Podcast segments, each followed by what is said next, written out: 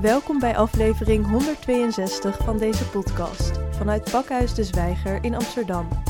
Mijn naam is Annick van Rinsum en vandaag spreek ik met de makers van Eigenheimers, Jolanda van Ommeren en Janine Minheren. Van harte welkom. Dankjewel. Dankjewel. Jullie documentaire gaat over de woningcrisis, maar jullie hebben wel een hele unieke invalshoek gekozen. Hoe kwamen jullie op het idee om deze film en dit onderwerp aan te snijden? Ja, je zegt, jullie film gaat over de woningcrisis. Daarmee geef je al duiding hè, aan, het, uh, aan het thema van de film. Uh, eigenlijk zijn we niet eens vanuit die insteek uh, begonnen, volgens mij. Want de aanleiding is geweest om dit betreffende onderwerp, dus op, om, om op dit onderwerp uit te komen, is dat uh, wij uh, bekend waren met de friet, frietkraam, zeg maar. Waar, een van de belangrijkste pijlers uh, ons, waar onze documentaire over gaat. Dat wij daar bekend waren en dat we daar kwamen en dat we daar een bepaald gevoel bij hadden. Waarvan we dachten, ja, dit is een tijdelijkheid. Want het, het, het is een plek waar iemand, hè, waar onze hoofdpersoon tijdelijk mag staan. En dit gaat verdwijnen en jeetje, dit is toch wel een hele bijzondere plek. En dat is eigenlijk een beetje, denk ik, uh, de context. Dus het is eigenlijk een documentaire over tijdelijkheid. Nou, zelf hebben we gaandeweg als thema. Uh, hè, want soms is dat zo, dan begin je aan iets met een bepaald idee. En halverwege denk je, oh, maar wacht even, het gaat eigenlijk daarover. En uh, zelf ontdekten wij dat de film ook heel erg gaat over veerkracht. We hebben een aantal mensen geportretteerd um, die op het Zeeburger eiland uh, werken of wonen, of allebei. Um, en wij waren onder de indruk van de manier waarop zij omgaan met veranderende omstandigheden. En in dit geval, geval de komst van een hele nieuwe woonwijk. Um, en hoe ze dus op een hele positieve manier eigenlijk elke keer weer heel creatief bedenken van... oké, dit is de situatie, dan gaan we dat doen. Oh, situatie is weer veranderd. Nou, dan gaan we weer iets anders doen. Dus voor ons kwam eigenlijk gaandeweg het maken. We zijn ruim vijf jaar bezig geweest. Gaandeweg het maken kwam dat thema veerkracht heel erg naar boven. Ja, want de eigenaren van uh, Eiburg Snacks en een heel ondernemend nomadisch gezin zouden eigenlijk wel kunnen stellen de vormen de hoofdpersonen van, van de film. Ja. Zouden jullie uh, deze hoofdpersonen nog even kunnen optekenen? Wie zijn deze mensen? Um, nou, de, de eerste waar we het over uh, hebben, dus, want het zijn inderdaad twee, uh, twee hoofd, uh, hoofdgezinnen, gezinnen, is Frans, de goed gebekte snackbarhouder. Die met zijn toko, ik denk, ja, nee, ik weet het eigenlijk wel precies, zo'n 25 jaar geleden is begonnen met een kraampje op, op ja, e-, eigenlijk in niemands land. Uh, Zeeburger Eiland bestond toen nog uh, ja, uit alleen natuur. En ik geloof dat je daar dat waterreinigingsreservoir uh, had. En hij is daar gaan staan met zijn, met zijn snackkarretje. En hij heeft zich ontwikkeld tot een van de best lopende snackkarren van Amsterdam. En het is nog steeds, ja, misschien klinkt dat heel oneerbiedig, maar volgens de, de, de, geldende normen misschien wel een on, on, onmogelijke plek. Maar dat maakt het ook wel heel, uh, heel bijzonder, heel eigen. En uh, ja, Frans is dus de eigenaar, maar eigenlijk samen met, uh, met nog twee anderen. Die je ook tegenkomt in, in onze documentaire. En ja, het is iemand die heel, heel erg zichzelf is vooral. En ook direct al, misschien eh, als het gaat om onze documentaire, uh, dat, dat we als we Frans zouden vragen: Goh, wil je dit even opnieuw doen? Nou, dat kun je vergeten. Want daar is Frans niet heel erg goed in. Hij is wie die is. En als je gaat vragen: Goh, zou je dit nog een keer kunnen zeggen? Hij ja, uh, dag, heb ik net al gezegd. Dus dat zegt denk ik heel veel over, over Frans dat is een van de hoofdpersonen. En misschien dat jij uh, iets kan vertellen over uh, hoe, ja, wie die anderen zijn. Ja, we zijn begonnen met filmen bij Frans. En op een gegeven moment zagen we dat uh, aan de, het, het eiland bestaat eigenlijk uit vier kwadranten die om de beurt ontwikkeld worden. En nou, de toko van Frans ligt zo'n beetje op het kruispunt van die vier gedeelten. Eén gedeelte, de sportheldenbuurt, was al, daar was de bouw al begonnen. En een ander gedeelte, eh, de sluisbuurt uh, heet dat. Dat was eigenlijk één grote vlakte.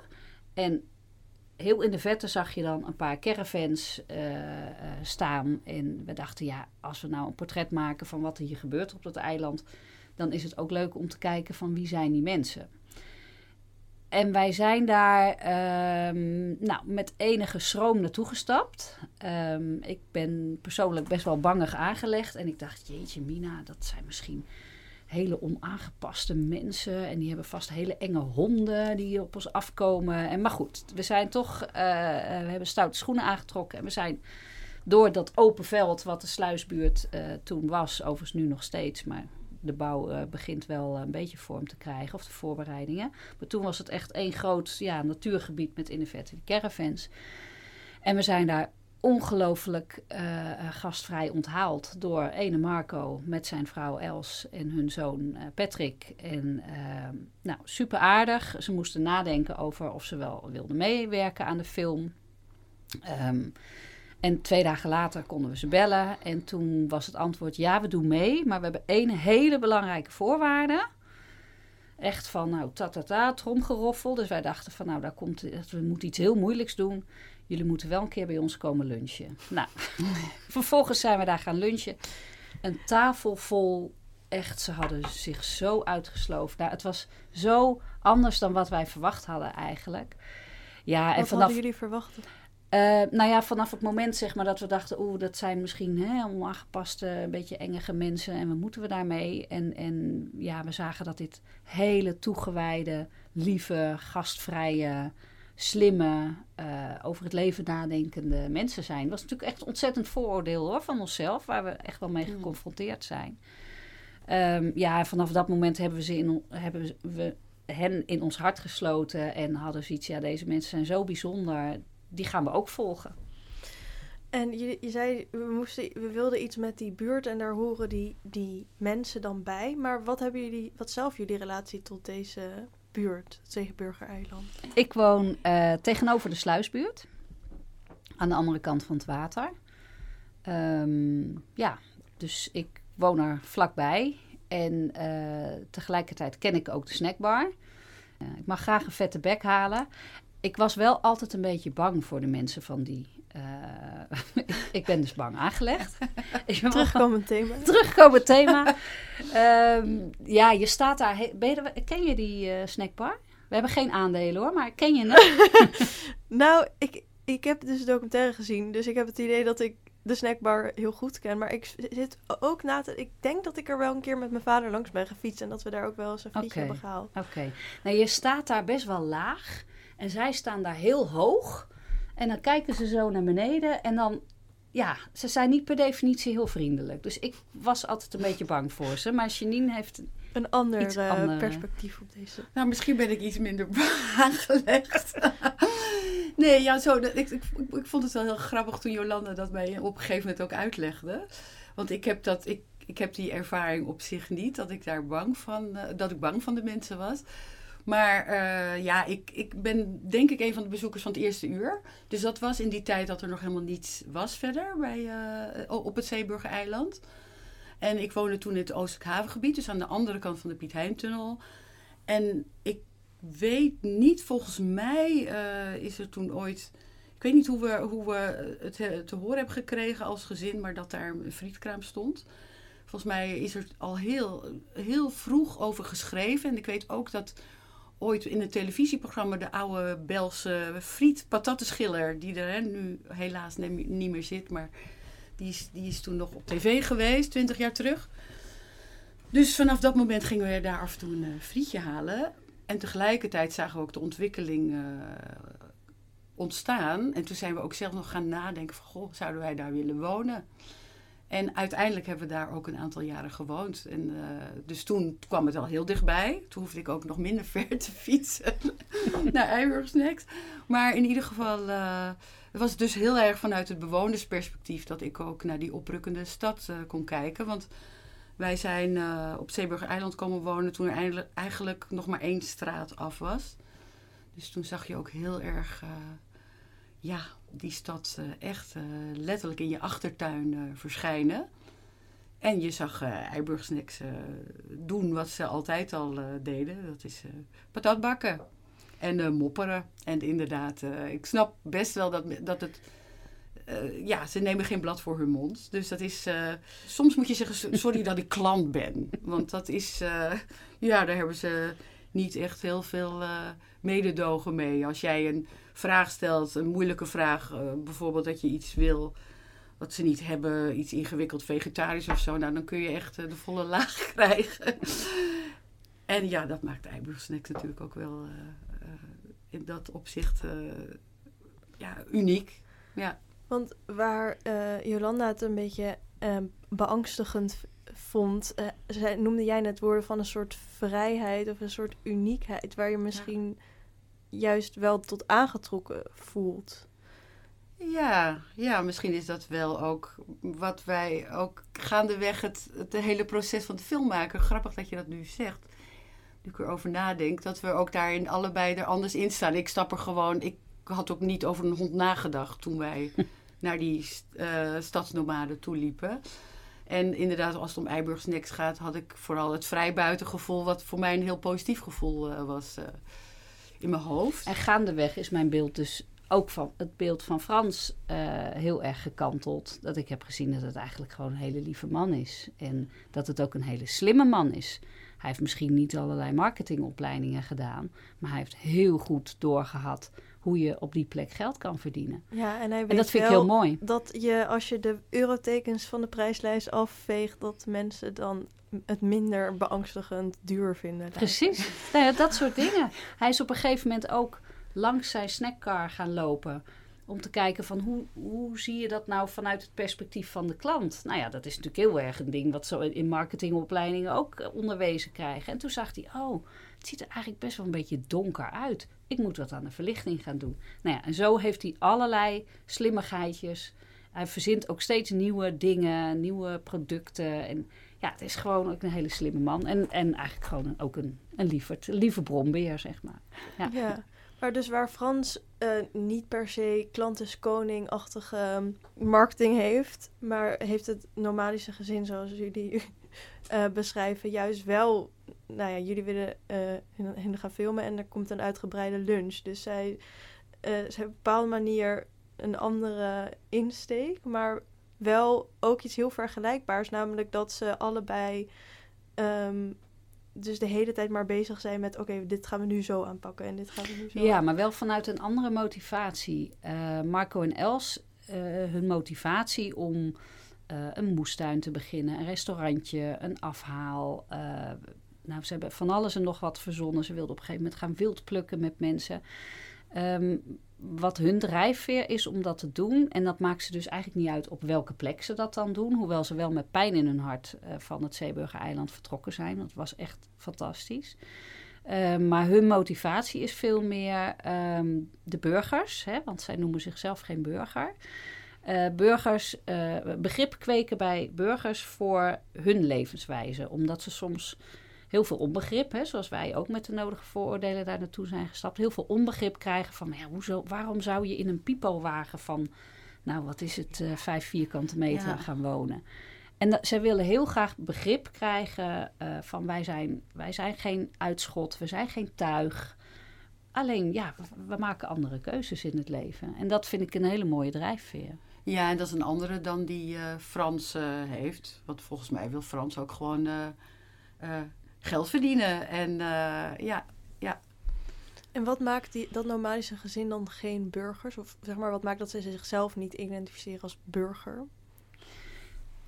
Uh, Marco heeft op een gegeven moment gezegd, en dat vond ik een hele mooie quote, en die heeft helaas de film niet gehaald, want je moet als je een film maakt heel veel uh, darlings killen. Um, maar hij heeft op een gegeven moment gezegd, uh, wij willen eigenlijk in dit leven helemaal nergens bij horen. Behalve bij elkaar misschien. Behalve bij elkaar, als gezin. Ja, ja. dat, is goed, dat is goed dat je dat zegt. Want ze zijn als gezin wel met z'n drieën heel close. Ja. Maar um, ja, wij willen, wij willen er eigenlijk niet bij horen. We willen dingen op onze eigen manier doen. En op de rafelrandjes van, van de stad. Alleen, ze worden natuurlijk steeds ietsje verder. Uh, en dat lijkt ze dan wel weer met de Frans gemeente hebben. Ja. Dat ze er nergens bij willen horen. Ja, Ja, ja. Uh, ik weet niet zozeer of dat, bij, of dat er bij, bij Frans zozeer een bewuste keuze is hoor, dat hij nergens bij wil horen. Ik denk dat dat meer is dat hij gewoon is wie hij is en daar verder ook niet heel diep over nadenkt, Nee. maar, maar gewoon aan de slag gaat. Zo van, nou, ik heb, er, ik, ik heb een idee en daar ga ik mee aan de slag. Ja, minder Maar- filosofisch. Ja, ja, en Marco en Els die zijn daar wel heel bewust, eh, maken ze daar keuzes in. Ja, Maar toch heeft Frans ook op een gegeven moment dat hij zegt ehm, dat hij meer complimenten dan het Amstelhotel krijgt. En dat eh, zijn, zijn snackbar eigenlijk een soort vergelijkbaar is met naar de hoeren gaan. Is een soort schaamte en je wil er niet gezien worden, maar eh, je kan er ook niet omheen. Je, je, je wil er gewoon heen. Dus wat dat betreft heeft hij ook wel door dat hij iets unieks heeft. Is hij daar ook wel trots op? Oh ja, zeker. Ja, ja, ja, hij is er zeker trots op. Ja, ja. Ja, nee, dat klopt. Maar eh, het is niet vanuit eh, van ik wil zo, ik wil echt, eh, ik, ik distancieer me van de eh, Van de burger. burgers. Nee, nee. Sterker nog, hij zou eigenlijk best een vaste snackkraam willen. Ja, want dat was ook het moment dat we dachten: hé, hey, dit is interessant voor een film. Want hij zit daar, hij moet weg, die, die stad komt op hem af. Dan zou je ook een film kunnen maken van: oh, wat sneu en wat zielig. Maar nee, hij zei tegen ons: ik wil meedoen met het bouwen. Ik, dus hij wilde mee in de vaart der volkeren. En daar ging helemaal iemand, nou dat zie je ook in de film, hij ging iemand inhuren. En die, die moest tekeningen voor hem maken. En hij wilde een vaste plek. En dat vonden we dus heel interessant. Van, eh, hij laat zich niet zomaar wegdrukken. Hij heeft ideeën. Ja, hij wil dus in het bestemmingsplan eh, worden opgenomen, maar dat kon nog niet, want er was nog geen bestemmingsplan. Ehm, en hij zegt ook op een gegeven moment, het bestemmingsplan, dat dat eigenlijk door andere mensen wordt bestemd. Maar dat hij dus eigenlijk er inspraak in wil hebben, maar dat hij merkt dat mensen niet naar hem luisteren. Maar dan vraagt hij zich af, hoe komt het dat een Sheraton Hotel wel opeens in een bestemmingsplan terechtkomt. Want dan gaan die bestemmingsplanmakers toch ook niet opeens bedenken van... nou, hier moet een Sheraton Hotel. Wat, ja, wat, is, wat is de rol van bestemmingsplanmakers in jullie documentaire? Ja, die uitspraak van Frans is echt een beetje David tegen Goliath, denk ik. Hè? Van eh, ik ben een kleine man en, mij lukt het niet. En zijn frustratie van waarom lukt het het grote geld wel om dingen voor elkaar te krijgen. Eh, want we wilden wel een beetje een evenwichtig verhaal maken. Niet alleen maar vanuit hun perspectief. Dus we hebben ook contact gezocht met de gemeente. En uiteindelijk ook de hoofdstedenbouwkundige van eh, de sluisbuurt voor de camera gekregen. Ehm, ik denk dat er wel degelijk een bestemmingsplan was. Alleen, ja, daar heeft Frans dan niet. Frans zegt op een gegeven moment in de film ook: Ik kan niet praten met ambtenaren. En ik denk dat dat ook echt zo is. Van, dat is zo'n andere taal en dat is zo'n andere wereld. ehm, dat hij denkt van nou, ze doen maar wat. Maar ze doen, niet, ze doen natuurlijk niet maar wat. Daar zit ook wel degelijk beleid en een visie en een idee achter. Maar is het niet ook een beetje een kwestie van gunnen? En dat, ze, dat hij ook wel voelt dat ze gewoon niet naar hem luisteren? Dat gevoel heeft hij zeker. Ja, Ja, hij heeft ook verschillende keren met eh, mensen gesproken van de gemeente. Maar hij weet absoluut niet eh, welke wegen hij dan verder moet bewandelen. Hij heeft dan, dan is hij ook al de naam kwijt van degene die hij heeft gesproken. Hij weet ook niet wat de functie van die persoon is. Dus hij, ja, hij, ik denk dat het voor iedereen hartstikke ingewikkeld is hoor. Als je ergens zit, hij heeft, een, hij heeft ook een marktkraamvergunning. Eh, ja, hoe word je opgenomen in een bestemmingsplan? Nou, wij hebben daar ook zelf, we hebben het ook eigenlijk als vraag laten eh, doorlopen in onze, in onze documentaire. Want, want eh, ja, het, was, het, het, is, het is onduidelijk. Hè? Er zijn aan de ene kant zijn er inspraakavonden en worden dingen georganiseerd om, om te communiceren naar eh, bewoners van Amsterdam of daarbuiten. Van god, dit zijn wij van plan. Eh, ik weet nog dat Frans, dat dat ook een keer een bijeenkomst was volgens mij op camping Zeeburg. En eh, dat was ook het kwadrant waar Frans dan in zit. En toen zou ik hem daar gaan filmen, want hij wilde dan wel kijken of hij daar niet wat aan, kon aanhaken. En toen, we hadden volgens mij was het om zeven uur s'avonds hadden we afgesproken, maar toen kwam ik aan om vijf voor zeven. En toen kwam ik hem al tegen. Nou, dat is helemaal niks hoor, daar. Ik ben geweest, maar je kan daar echt... eh, dat slaat helemaal nergens op. nou, dat was een beetje zijn eh, conclusie. Vervolgens kon ik hem dus ook niet meer filmen. Want hij was gewoon een kwartier vroeger gegaan. En hij was er ook al klaar mee. Maar ja, hij, eh, hij krijgt er als gewone burger, noem ik hem dan maar... heel moeilijk grip op. Want mensen zoeken natuurlijk ook niet... eh, de mensen die bestemmingsplan maken... hij is ook op zoek, ja, wie doet dat dan? En, en die zoeken hem ook niet op. Van, goh, jij als... Ja, eigenlijk kunnen we langzamerhand wel zeggen, een beetje als, een, als instituut. Hè, want hij staat er al 25 jaar en er wordt heel veel over geschreven. Hoe, hoe, hoe zie jij jezelf daar? En, en, en hoe zien wij dat? Er wordt eigenlijk heel weinig... Ja, volgens mij is het niet gecommuniceerd. Hij heeft Eh, één keer heeft hij een, een aanbod gekregen om in de Sportheldenbuurt, Ja. dus het eerste gedeelte van Zeeburger-eiland wat ontwikkeld eh, is, eh, om daar om zijn snackbar daar te gaan doen. Maar daarvan had hij, want hij beseft heel goed de charme van de plek die hij nu heeft. Het is een beetje, een beetje krakkemikkig. Het ziet er eigenlijk allemaal niet uit. En hij heeft een beetje een terras, half semi-illegaal. En, maar het is gewoon een, een plek, een fijne plek om te zitten. En hij had zoiets, ja, dan moet ik daar straks in zo'n strakke nieuwbouw en met betaald parkeren. En dan komen mensen niet meer met de auto. Nu komen mensen van heinde en verre met de auto van buiten de stad, komen daar eh, hun snackje halen.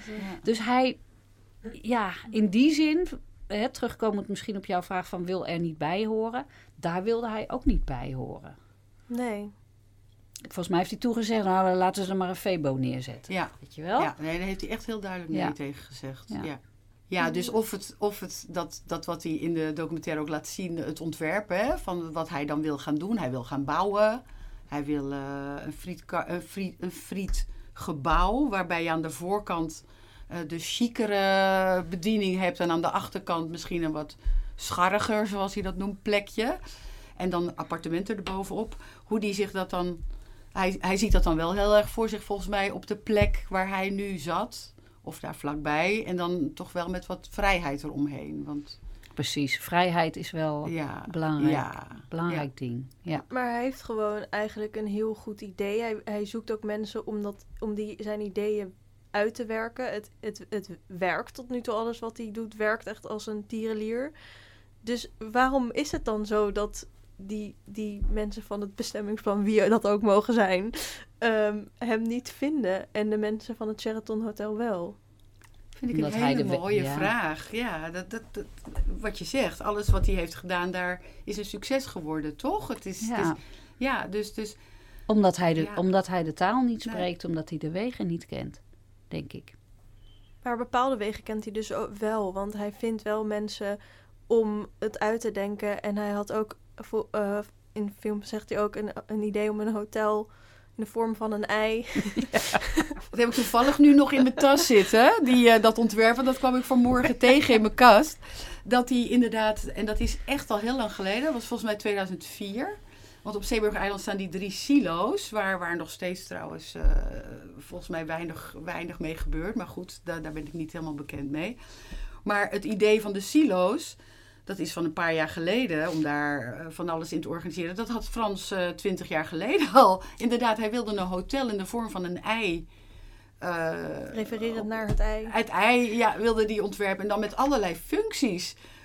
Ja, en dat is nu grappig. eigenlijk Dat heel is- hip, hè? Ja, In stedenbouw hoor je steeds vaker dat er inderdaad eh, verticale woontorens bedacht worden. Waar eh, bedrijfjes in zitten, waar mensen wonen, waar een hotel is, waar je kan sporten, waar een daktuin is, noem maar op. Dat is nu best wel hot. Dat zie je steeds meer verschijnen.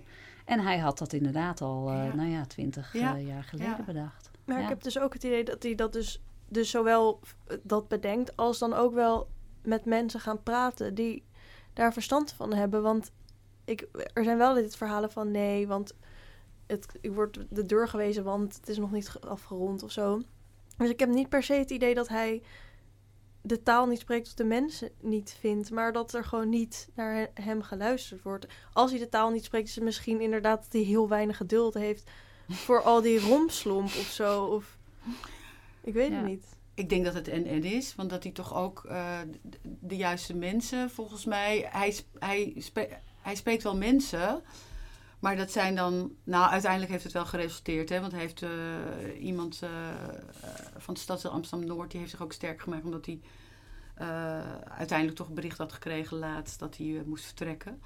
Maar hij, in zijn ontwikkeldrang is hij toch niet bij de juiste mensen bij de gemeente terechtgekomen, volgens, volgens ons.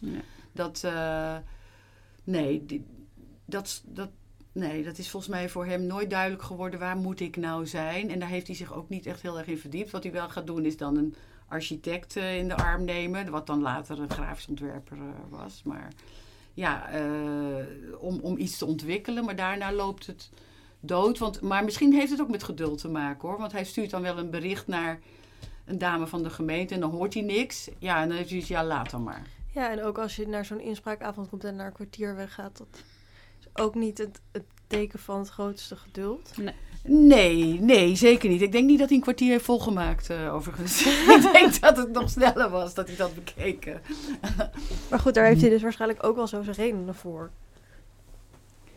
Ja, het, het, het, moet op zijn manier. Net als dat hij weinig geduld had met onze opnames. Ik bedoel, uh, ja. we moesten echt zorgen dat we is het al klaar? klaar stonden. En uh, ja, acteren doet hij natuurlijk niet. Dus uh, dat moest echt, uh, als iets gebeurde, moesten we er achteraan hollen.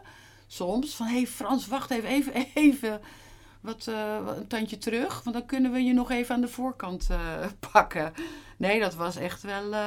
ja, hij, what you see is what you get. En het ongeduld, dat is in, inderdaad in alle opzichten terug te vinden bij Frans. Ja. Maar dus um, even terug naar de gemeente. Want het nomadische gezin heeft daar ook niet uh, al te beste uh, ervaringen mee. Dus ook een scène waar, waar ze zeggen: dit doen, dit doen wij met gemeentebrieven. Dan wordt het in de, in de fik gestoken. Um, waar komt dat sentiment vandaan? Nou ja, dat is een beetje dubbel. Want aan de ene kant geven ze aan van wij kunnen overal gelukkig worden. En het maakt ons niet uit waar we staan. Uh, van de stad, uh, half uh, in het westelijk havengebied of tegen de snelweg gaan. Overal zien wij wel iets moois in. En dan maken we weer een fijn plekje van. Um, wat ik heel, heel mooi en heel knap vind. Nogmaals, dat is die veerkracht die wij wel interessant vinden. Maar tegelijkertijd is er wel degelijk, hebben ze toch wel degelijk gevoel bij van ja, potverdorie, nou hebben we hier zo'n fijn plekje de, plek op het Zeeburger eiland, het fantastische, um, uh, fantastische moestuin, waar, waar echt nou, twintig soorten groenten uh, werden geteeld en allerlei fruit, et cetera.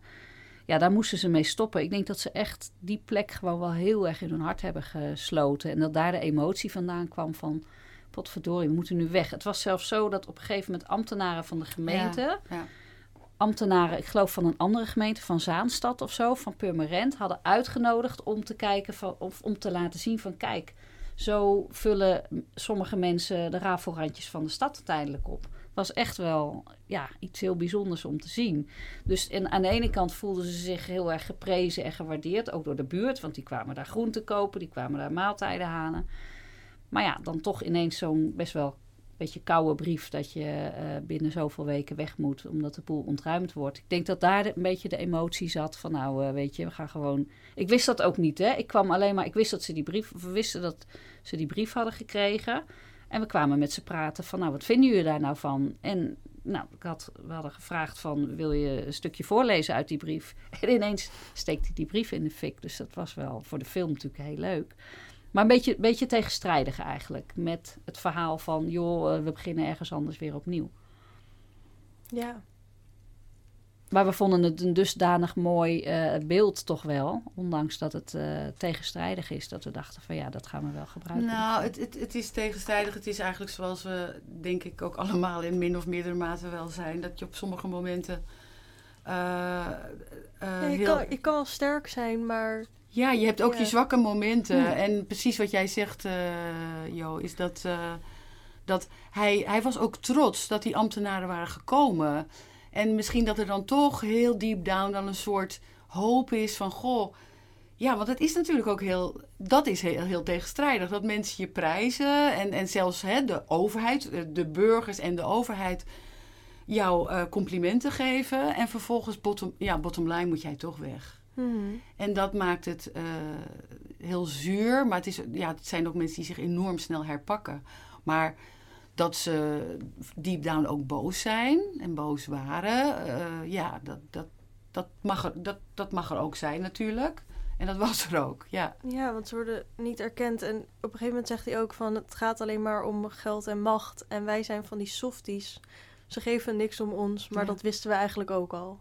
Ja, er is letterlijk gezegd: in Oost is geen plek meer voor jullie. Ja, dat is zuur natuurlijk. Ik vind het Ja. ook wel interessant dat, ze, dat hij dus dit, eh, zegt... wij zijn van die softies. En ze geven niks om ons. Dat wisten we ook al. Hoe interpreteren jullie die uitspraak van hem? Ehm, ik denk dat hij dat met dat softies doelt op ehm, dat er ook andere groepen zijn die landjes kraken. Eh, die niet zomaar weggaan. En die eh, gaan vechten en de boel in de fik steken. En, en dat is eigenlijk iets waar, waar zij zich ook heel erg tegen afzetten. Want ze vinden dat dat het imago van, van stadsnomaden of economaden ehm, beschadigt. En daar, daar, daar distancieren ze zich van. Ik denk dat hij dat bedoelde met, eh, met de softies. Ja, want uiteindelijk gaan ze. Hè? Hij steekt gaan. een brief in de, in de fik, maar ze maar gaan ze wel. gaan en ze, ze ruimen het netjes op. Ja, Het, Ja. is, het is een beetje heel erg een teleurstelling in dat ze zo misschien wel in hun gevoel en ook wel misschien gewoon überhaupt onrechtmatig worden behandeld. Maar dat ze in plaats van dan gaan vechten, een soort van bijna een soort van de andere wang toekeren en dan weer verder gaan of zo. Nou ja, dat is dus ook de reden dat wij daar zo van onder de indruk waren. Want dat is, dat is, dat is niet makkelijk. En dat is wel heel, heel bijzonder dat je inderdaad. Want het raakt, het is een hele emotionele man, denk ik. En eh, het raakt hem zeker. En het gaat hem ook heel erg aan het hart wat hij, wat hij van zo'n zo'n tuin maakt. En daar gaat zoveel liefde zit daarin. Ja, Misschien heeft het ook wel met de manier van communiceren te maken. Dat als er iemand naar ze toe was gekomen en had gezegd: joh, wat hebben jullie in paradijs? Maar weet je, het is wel eindig, want we gaan dit en dit doen. Hè? Er is nou eenmaal woningnood in Amsterdam. Ik denk dat dan die emotie ook anders was geweest. Want het, weet je, het zijn geen mensen van. eh, zij, snap, dat, dat, zij snappen dat ook wel. Zij snappen dat mensen in huizen willen wonen en moeten wonen. En dat ze daar uiteindelijk voor moeten wijken. Maar ik denk dat het ook wel met de manier waarop dat met ze gecommuniceerd is te maken heeft. Die emotie van het in, de, in brand steken van de brief. Ze- Ja. Want hij zegt dus ook, ze geven niks om ons.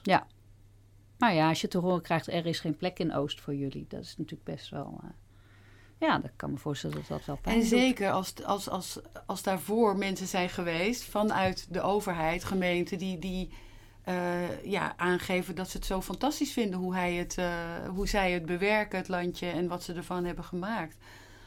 Bottom line geven ze dus niks om je als je dus uiteindelijk toch de brief krijgt dat je de pleiterik moet maken. Dus ja. Waar zit die discrepantie dan in als er die mensen die dan komen wel oprecht geïnspireerd zijn door wat ze doen? En ik denk dat zij heel veel dingen doen die we ook meer nodig hebben in de maatschappij van nu. Dus daar willen ze dan wel leuk van leren. Ja. maar wa- waarom wordt het dan toch de mensen die het dus al doen zo eh, weggestuurd? Ja, maar ik denk dat dat... Dat zie je natuurlijk op verschillende plekken in de stad. Hè? Van eh, eh, gebieden die ontwikkeld gaan worden. Dat, dat is heel, vindt, vindt men heel prettig dat daar broedplaatsen komen bijvoorbeeld. Maar dat is allemaal tijdelijk. En waarom? Omdat die grond gewoon heel duur is. En omdat er huizen moeten worden gebouwd. Die, die ook gewoon weer geld opleveren. En wij hebben ook in onze film niet zozeer aanklacht tegen eh, de gemeente willen maken. En daarom hebben we dus ook de gemeente gefilmd, maar ook een nieuwkomer op het Zeeburger-eiland. Omdat we ook begrip hebben voor het feit dat iedereen wil, wil wonen. En, en heel veel mensen willen binnen Amsterdam wonen en het liefst binnen de ring. Dat doen we zelf ook en dat gunnen we een ander ook. Dus het is nooit zo zwart-wit van eh, eh, de gemeente is, is verkeerd bezig of zo. Alleen wij denken wel dat het mooi zou zijn als je bij het ontwerp van, van een, een hele nieuwe wijk op een of andere manier rekening zou kunnen houden met de rafelrandjes. Er zijn twee mannen die een kleine bijrol hebben in de film. Eh, het zijn namelijk twee mannen in blauwe pakjes. Wat zijn die mannen aan het doen? Ja, dat is heel geheimzinnig. Ja, ja. Ja. Van- Vandaar dat wij ze ook eh, met grote bewondering hebben gefilmd. Want wat, wat, wat, wat als buitenstaander, als je helemaal nooit te maken hebt met het ontwikkelen van een wijk, waar ik bedoel, ja, wanneer zie je dat nou? Vanaf de basis hè, gebeuren. En dit zijn die mannen in blauwe pakken die iets met de, met de grond aan het doen zijn. Die zijn monsters aan het nemen. En eh, ja, we hebben ze eigenlijk vervolgens ook nooit gesproken wat nou die monsters hebben opgeleverd. Maar uiteindelijk wordt er nu een. eh, ik zag dat er al, eh, al nu echt al gebouwd wordt op eh, dat deel van het eiland waar ze toen die monsters aan het nemen waren. Dus we gaan er maar vanuit dat het eh, goed genoeg was en niet al te giftig, eh, zeg maar, om, om daarmee voor te gaan. Maar ja, jij was erbij. Ik was er die keer niet bij, Jolanda. Nou ja, het had, het had iets heel mysterieus. Die mannen die dan in, in, in potjes aarde aan het roeren waren en aan het boren waren. En ehm, ja, wij wilden eigenlijk laten zien van hier begint het dus. Hè? Want het was gewoon natuur, allerlei eh, struikgewas waar ze doorheen eh, eh, liepen. En eh, ik erachteraan met de camera. Nou ja, we wilden eigenlijk het hele begin laten zien van... oké, dit is de eerste activiteit richting... nou, over tien jaar of zo dat daar een keer huizen staan. En het was een heel mooi toeval dat die mannen hadden hun monsters genomen... en die waren de spullen in hun busje aan het inpakken. En toen kwam net Els voorbij eh, van Marco... eh, die daar dus vlakbij bivakkeerde. Dus daarmee nou ja, zagen we ook heel mooi eh, dat eh, hun leven en de toekomst die eraan zat te komen in de vorm van die man in die blauwe pakken, heel eventjes bij elkaar kwamen. En ze groeten ze vriendelijk en ze groeten vriendelijk terug en toen liep ze door. Ja, dat zijn dan van die mooie onverwachte momenten als filmmaker waar je dan blij mee bent. Want het heeft echt iets, het heeft bijna iets, het heeft iets absurdistisch en iets heel eh onheilspellend. Je zou bijna een soort van badem, badem. We hadden Nou, er een ander muziekje onder moeten zetten. Nee, maar we hebben, we hebben bewust gekozen Ja, naar een tuurlijk. beetje spannende muziek inderdaad. Ja, misschien was het daarna een anticlimax dat je dacht, oh nou ja, het is alleen maar bodemmonsters. Maar wij hadden er zelf wel een soort spannend, eh, spannend gevoel bij. Ja. Een andere bijrol in de film, ik noemde haar ook net al, is een, is een vrouw die eh, door nieuwbouw heen loopt, kauwgom koud en eh, zegt: "Ja, Dit is niet conform afspraak. En eh, er komt een gouden kraan en een gouden wasbak in mijn huis. Eh, wie, is deze, wie is deze persoon? Nou, deze persoon is inderdaad een van de nieuwe bewoners die met heel veel plezier en dankbaarheid zich heeft, ja, daar gaat starten. Als, als fervent eh, eh, voor, voorstander van nieuwbouw. Ze is eh, een hele enthousiaste dame. En eh, we hebben op basis van. eh, we wisten dat er, dat er een pand ging komen. Een van de eerste panden. Niet de allereerste, maar wel een van de eerste panden op het, eh, bij de Sportheldenbuurt. En toen hebben we eigenlijk een, eh, een, een sollicitatieronde gedaan. Hè? Want we hebben op, face, op de Facebookpagina van die bouwmaatschappij. waar dus de nieuwe bewoners zich al konden aanmelden toen de huizen nog niet klaar waren, hebben we eh, een oproep gedaan of er toekomstige bewoners waren die mee wilden werken aan, eh, aan onze documentaire. Maar juist omdat, wat Jolanda net ook al schetst, eh, we helemaal niet een, een, een pamflet willen maken van goh, eh, hè, weg met de nieuwbouw en laat de rafelranden zijn wat ze zijn. Maar dat we ook daar de, ieder, ieder zijn eigen waarde en zijn eigen eh, keuzes. En dat mensen die, die een nieuwbouwwoning bemachtigen ook hartstikke blij kunnen zijn. En dat hebben we ook willen laten zien. Maar het is natuurlijk inderdaad, zoals jij schetst, zoals je nu schetst, hè, van de gouden kranen. Het is zo'n enorme tegenhanger met de pipo van 2 bij 3 waar mensen in de modder zonder eh, ja, stromend water eh, gewoon hun leven leiden. En zo'n Frans die met zijn scharrige plek. Ik heb het nog wel eens in het woordenboek opgezocht, maar volgens mij bestaat het niet. Maar het is een, Frans, wo- een woord van Frans, scharrig, maar het dekt alles, hè, hoe hij daar zit. Met zijn, met zijn frietkraam. Ja, het is een enorme tegenhanger. Maar ja, het is een, eh, een vrouw die weet wat ze wil. maar goed, dat weten die anderen eigenlijk ook wel, hè? De, de andere, de echte hoofdpersonen van ons.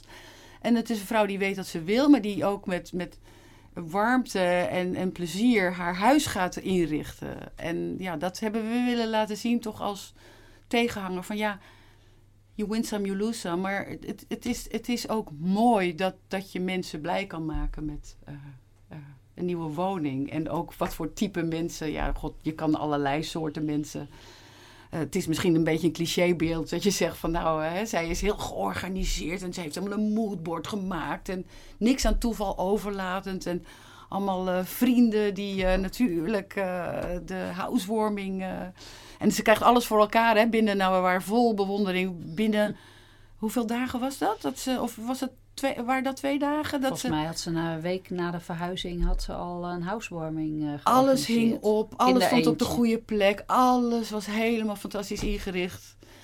Ja, we hadden er ook wel, hadden er ook wel bewondering voor. ja. Dus dat is uh, Fiona, ja, de andere hoofdpersoon. Of ja, ja hoofdpersoon wel, ja. ja. Het is een van de... Heeft zij de film al gezien? Ja. Ja.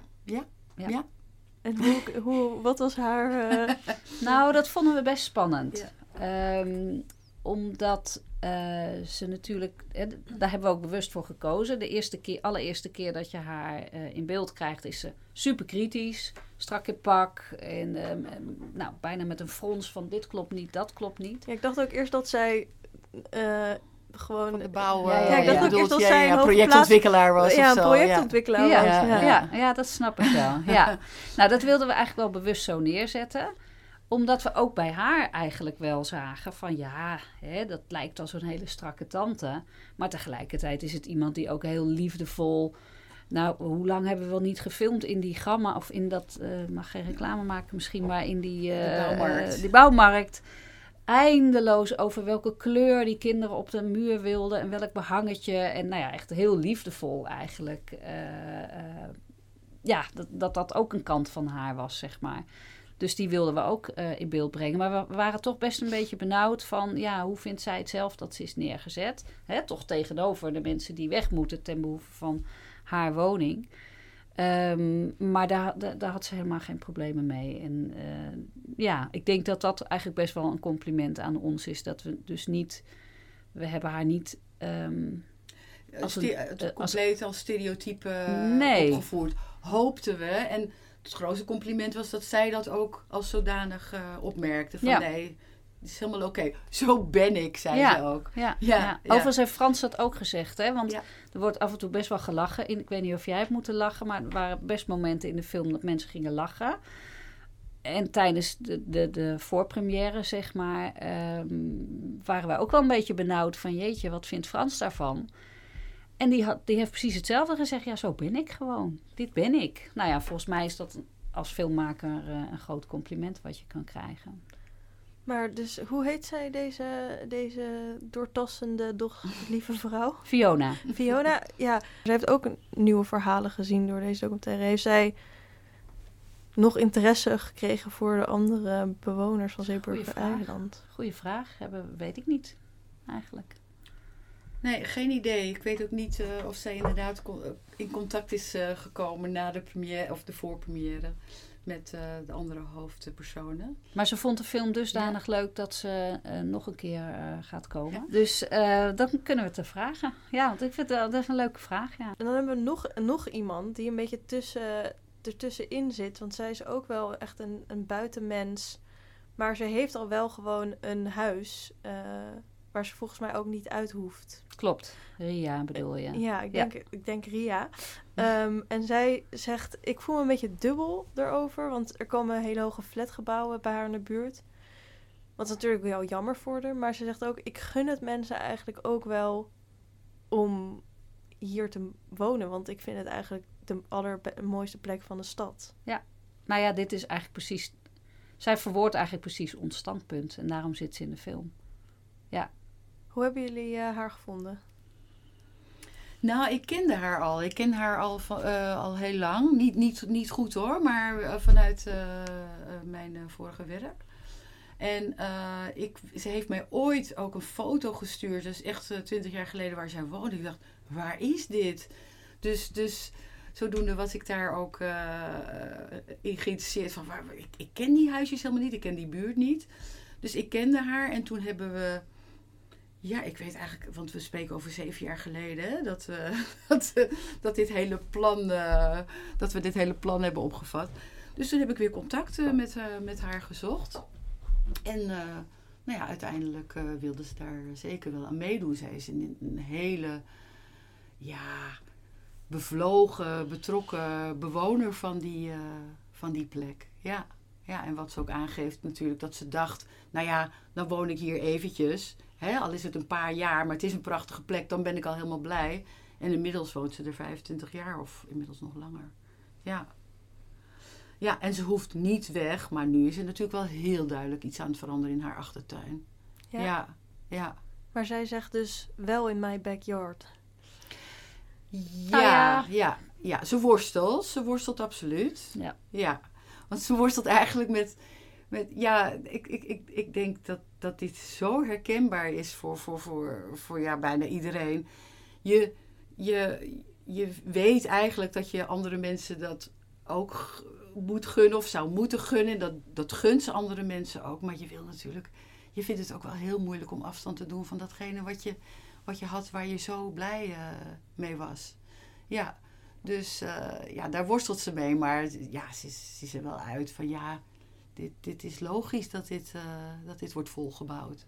Ja. Wat dat betreft heeft zij ook een bepaalde veerkracht. Ja, ja. ja. ja zowel um, Frans als Marco en Els hebben het idee om misschien naar het buitenland te trekken, omdat um, ze de hele tijd weg worden gestuurd. Um, is er in Nederland nog ruimte vandaag de dag voor eigenheimers, denken jullie? Nou ja, het wordt steeds moeilijker. Ze worden steeds verder uh, de stad uit uh, ja, verdrongen. Ik denk dat er nog steeds rafelrandjes zijn, maar steeds minder. Ik zou ja? willen dat die ruimte er blijft. Ja. ja. ja. Want we hebben ze nodig, die eigenheimers.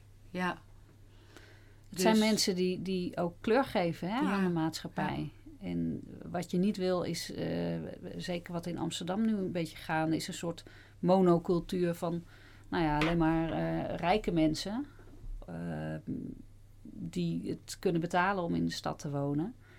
Maar je wil juist ook de, de, ja, de mensen die een beetje afwijken, de, de paradijsvogels, de, de mensen die net even de dingen wat anders doen. Ik denk dat dat wel van waarde is ook voor een, voor een maatschappij. Alleen het wordt steeds lastiger. Het is ook een moment in de film, volgens mij op een inspraakavond, dat iemand ook zegt: ja, er komen alleen maar hoge torens voor rijke mensen. Um, en die vrouw zegt er ook bij van ja, ik, ik weet dat, dat er een woningtekort is en ik wil ook echt wel dat, um, dat er meer woningen komen, maar dat wordt zo'n zo'n juppentoren waar, waar geen gemeenschapsgevoel is. Um, ja, zijn alle torens voor rijke juppen? Nou ja, je hebt natuurlijk in Amsterdam het beleid van. Ik vergeet altijd hoe het zit ook alweer met die getallen. 40, 40, 20 of zo. Dat als je gaat bouwen, dat je 40 procent sociale, sociale, 40 midden en 20 hogere. Het hogere segment, dacht ik. Maar ik weet niet precies. Maar in ieder geval, daar zijn wel regels voor. Er zijn wel afspraken over. Alleen ja, je ziet toch dat um, uh, er steeds meer, minder mensen het kunnen betalen. Hè? Onze Frans, een, een ras-echte Amsterdammer, woont net als heel veel ras-echte Amsterdammers inmiddels in Purmerend. Um, ja, dus die rafelrandjes worden, gaan steeds meer onder druk staan. En dat, dat, dat vinden we jammer. Tegelijkertijd beseffend dat, uh, ja, er is ook, ik gun iedereen uh, een huis. Ja, het zijn twee dingen eigenlijk. Hè. Het is het wonen. Uh, dus of er inderdaad ook woningen beschikbaar blijven natuurlijk voor, voor mensen die uh, met een smallere beurs. En tegelijkertijd uh, is het, het dat alles een bestemming heeft. Hè? Dat alles wordt volgebouwd. Of alles in ieder geval wordt ingericht. En uh, dat vind ik dan nog een ander punt van zorg. Dat ik denk, ja, het zou zo mooi zijn als je ook dingen laat ontstaan. Dingen laat gebeuren. En ik, ik heb daar ook niet, niet geen, geen directe oplossing voor. Maar ik bedoel, Frans is daar kennelijk, is er een keer creatief gedacht van, joh, ga jij daar maar staan met je loop, hè, een loopplankje over de sloot en je snackkarretje. Uh, maar is dat gedacht of heeft hij dat gewoon gedaan? Hij heeft een marktvergunning, uh, had hij. Dus nou weet ik even niet of hij nou eerst die vergunning had. Of dat hij daar eerst is gaan staan. Volgens mij is hij er eerst gaan staan dat, en toen Dat vermoed ik namelijk wel, ja. Maar uh, dat, dat kennelijk kon dat toch in die tijd.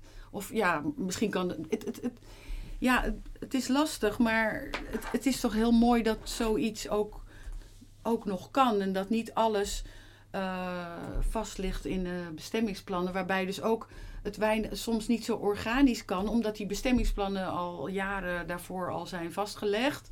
Terwijl dingen veranderen. Uh, er komen dingen bij, er gaan dingen af, mensen veranderen, behoeftes veranderen. Ja, het lijkt wel alsof dat toch nu langzamerhand wel, ja, dat daar geen plek meer voor is. Want het is ook van meer gereguleerd naar minder gereguleerd zul je niet zo snel vinden. Dus ik ga me gewoon naar een, een, een stad en een land wat steeds waar elk stukje grond straks bestemd is. Ja. ja. ja. Vandaar ook dat Marco ook echt duidelijk zoiets heeft van ja, wij moeten het niet meer in Nederland uh, verwachten of zoeken. Ja. En Frans is niet alleen dat hij, dat is, dat is niet helemaal de reden dat hij naar het buitenland wil. Hij wil gewoon nou ja, gaan, gaan genieten. Hij kan daar zelf nog niet echt helemaal een inhoud aan geven. Maar uh, het is niet zozeer zo dat hij, uh, denk ik, geen zaak meer in Nederland zou kunnen beginnen. Maar hij wil gewoon lekker de warmte en lekker buiten en uh, niet te veel gezeur aan, uh, aan, zijn hoofd. En iets te doen hebben. Iets te doen hebben, ja. ja. Hebben jullie enige ideeën over hoe we wel ruimte kunnen maken voor eigenheimers en rafelrandjes? Ja, nou ja, het, kijk, ze, ze zijn, ja, wij zijn helemaal niet vanuit de sociaal-geografische, uh, vanuit de sociaal-geografische achtergrond. Maar als ik gewoon redeneer vanuit Frans bijvoorbeeld. Frans kreeg te horen dat hij weg moest. Hè? Twee maanden geleden ongeveer kreeg hij een brief van je moet binnen acht weken vertrekken. En toen zijn wij samen met Frans ben ik gaan kijken naar hoe ziet, wat is dat voor brief en hoe ziet dat bestemmingsplan eruit dan? Wat ze hè, in gedachten hebben. En, want jij moet nu opeens weg. God, dat is wel heel erg heftig binnen acht weken. En toen zijn we naar dat bestemmingsplan gaan kijken. En als je dan gaan gaat lezen wat, wat de plannen zijn met dat stukje waar Frans zit, dan denk je, hè, maar volgens mij zouden jullie zo'n eigenheimer gewoon daarbij in kunnen uh, passen. Ja, want er staat dan in van we willen met ondernemers uit de buurt een, een plek uh, creëren voor verbinding. verbinding. Dan denk je dat is er dat dus je al. Denkt, ja, ja. Waarom dit wegvagen en om dan iets, iets anders Gereguleerd te iets nieuws neerzetten. Terwijl waar zijn de mensen geweest die dit schreven, die dit bedachten, om, om als je dat dan al bedenkt, om dan niet te kijken wat is er al. En uh, dus dat is dan niet zozeer misschien een antwoord op jouw vraag van hè, maar, maar er zijn nou natuurlijk al heel veel plekken waar eigenheimers opereren. Joh, pak daar ook het, het, het goede van en probeer daar ook iets mee te doen in, in de plannen die jullie uh, dan uh, hebben met de nieuwe stad. Want Frans, dat verbinden en ontmoeten. En misschien is het dan niet, uh, moet, moet hij iets meer nog de vegetarische takken uitbouwen, ik weet het niet. Maar hij, en misschien lukt het niet, hè, maar dan, dan, dan ben je wel met elkaar in gesprek. En dat is zo zonde, want er ligt zoveel. Uh, ja, er, er, er ligt zoveel kracht en ideeën en, en, en originaliteit. Nou, dat moeten we toch ook hebben. Ook wat Marco bedacht had hè, met zijn moestuin. Want die had al bijvoorbeeld bedacht van... nou, dan ga ik wild plukken met mensen in de buurt. Dan ga ik mensen leren over paddenstoelen, et cetera. Maar ook ik ga uh, kinderen hier laten komen, zodat ze kunnen zien hoe groeit nou eigenlijk een krop sla. Want heel veel kinderen die kennen dat helemaal niet. Die kennen het uit de zakje uh, van, van de supermarkt. Dus daar waren eigenlijk prachtige ideeën om eh, ja, meer te doen dan alleen maar daar een beetje, een beetje rond te hangen op dat uh, Zeeburger-eiland. Doodzonde dat Marco en Doodzonde. straks naar Portugal vertrekken of waar, Doodzonde. waar ze Ja. dan ook heen gaan. Ja. Ja, absoluut. Ja. Er zit zoveel know-how. En dus ook elkaar echt gaan ontmoeten. Hè? Want wie, wie, bij Stadsnomaden, daar hebben mensen allerlei beelden bij. En dan kun je het, dan kun je het meemaken. Zo, dit, dit, zijn, dit zijn ze ook. Hè? Dit, dit zijn ook stadsnomaden. En, en er zijn, er zijn er ook in allerlei soorten en maten. Het zijn net mensen. ja.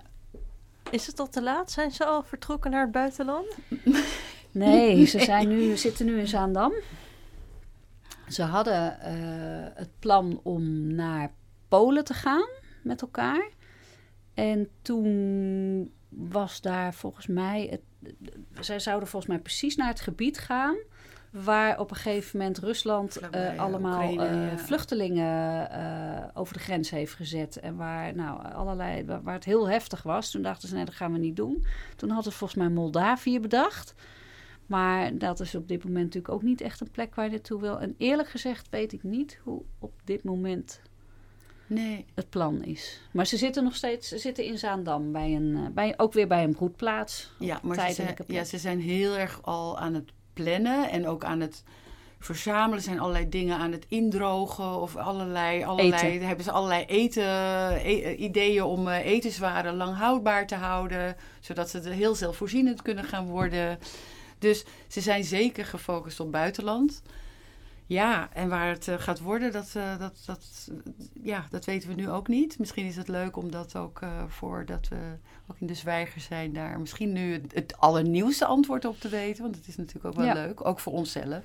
Van hé, hey, zijn jullie al uh, alweer een stapje verder? Ja. Jullie zijn dus zeven jaar geleden begonnen. Ja, nou toen is het idee ontsproten. Ja, ja we, zaten niet- net te kijken. We zijn niet zeven jaar bezig geweest hoor. We zijn niet fulltime aan het filmen geweest, zeg maar. We, we hadden allebei eigenlijk gewoon ook een hele andere baan en hebben dit er gewoon eh, naast gedaan. Wat hebben jullie in deze zeven jaar van deze film en dit proces geleerd? Dat film maken, dat een documentaire maken veel moeilijker is dan, eh, dan we hadden kunnen bedenken. Het is echt een vak. Het is echt rete moeilijk. Ja, maar het is wel heel, heel, heel mooi. En je leert dus ook echt nou ja, dingen over jezelf. Hoe je naar de wereld kijkt. Ja. Ja, ja, heel erg geleerd om uit onze comfortzone te komen, denk ik. Want uh, we moesten keer op keer dingen doen die we nooit eerder hadden gedaan, die we nooit eerder hadden gedurfd. Uh, nou, noem maar op. En dat dat helemaal oké is. Uh, om, om uit die comfortzone te gaan. En ja, wat de mensen betreft, uh, het, heeft, het heeft echt wel. Het heeft echt heel veel indruk gemaakt. Om. om uh, het, het, eigenlijk dat je de mogelijkheid krijgt om die mensen echt te leren kennen. Mensen waar je normaal gesproken eigenlijk heel weinig mee in contact komt. Ja, dat is heel waardevol.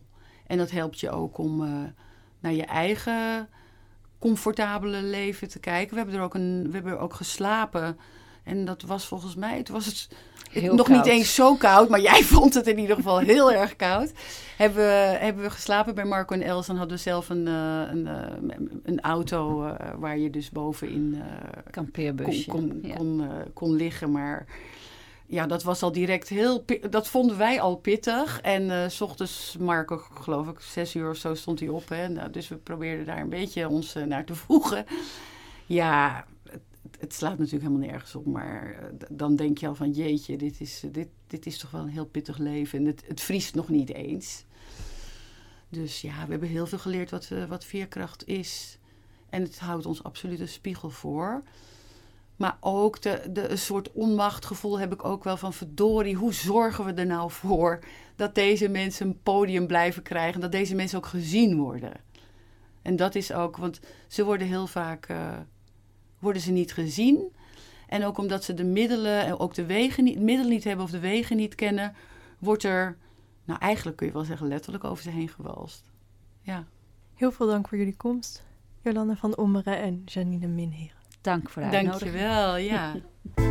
Beste luisteraars, dit was aflevering 162 van de podcastserie van Pakhuis de Zwijger. Wil je meer weten? Kom dan op donderdag 10 november om 8 uur naar de filmvertoning en nagesprek van Eigenheimers in Pakhuis de Zwijger. Bedankt voor het luisteren en tot de volgende keer.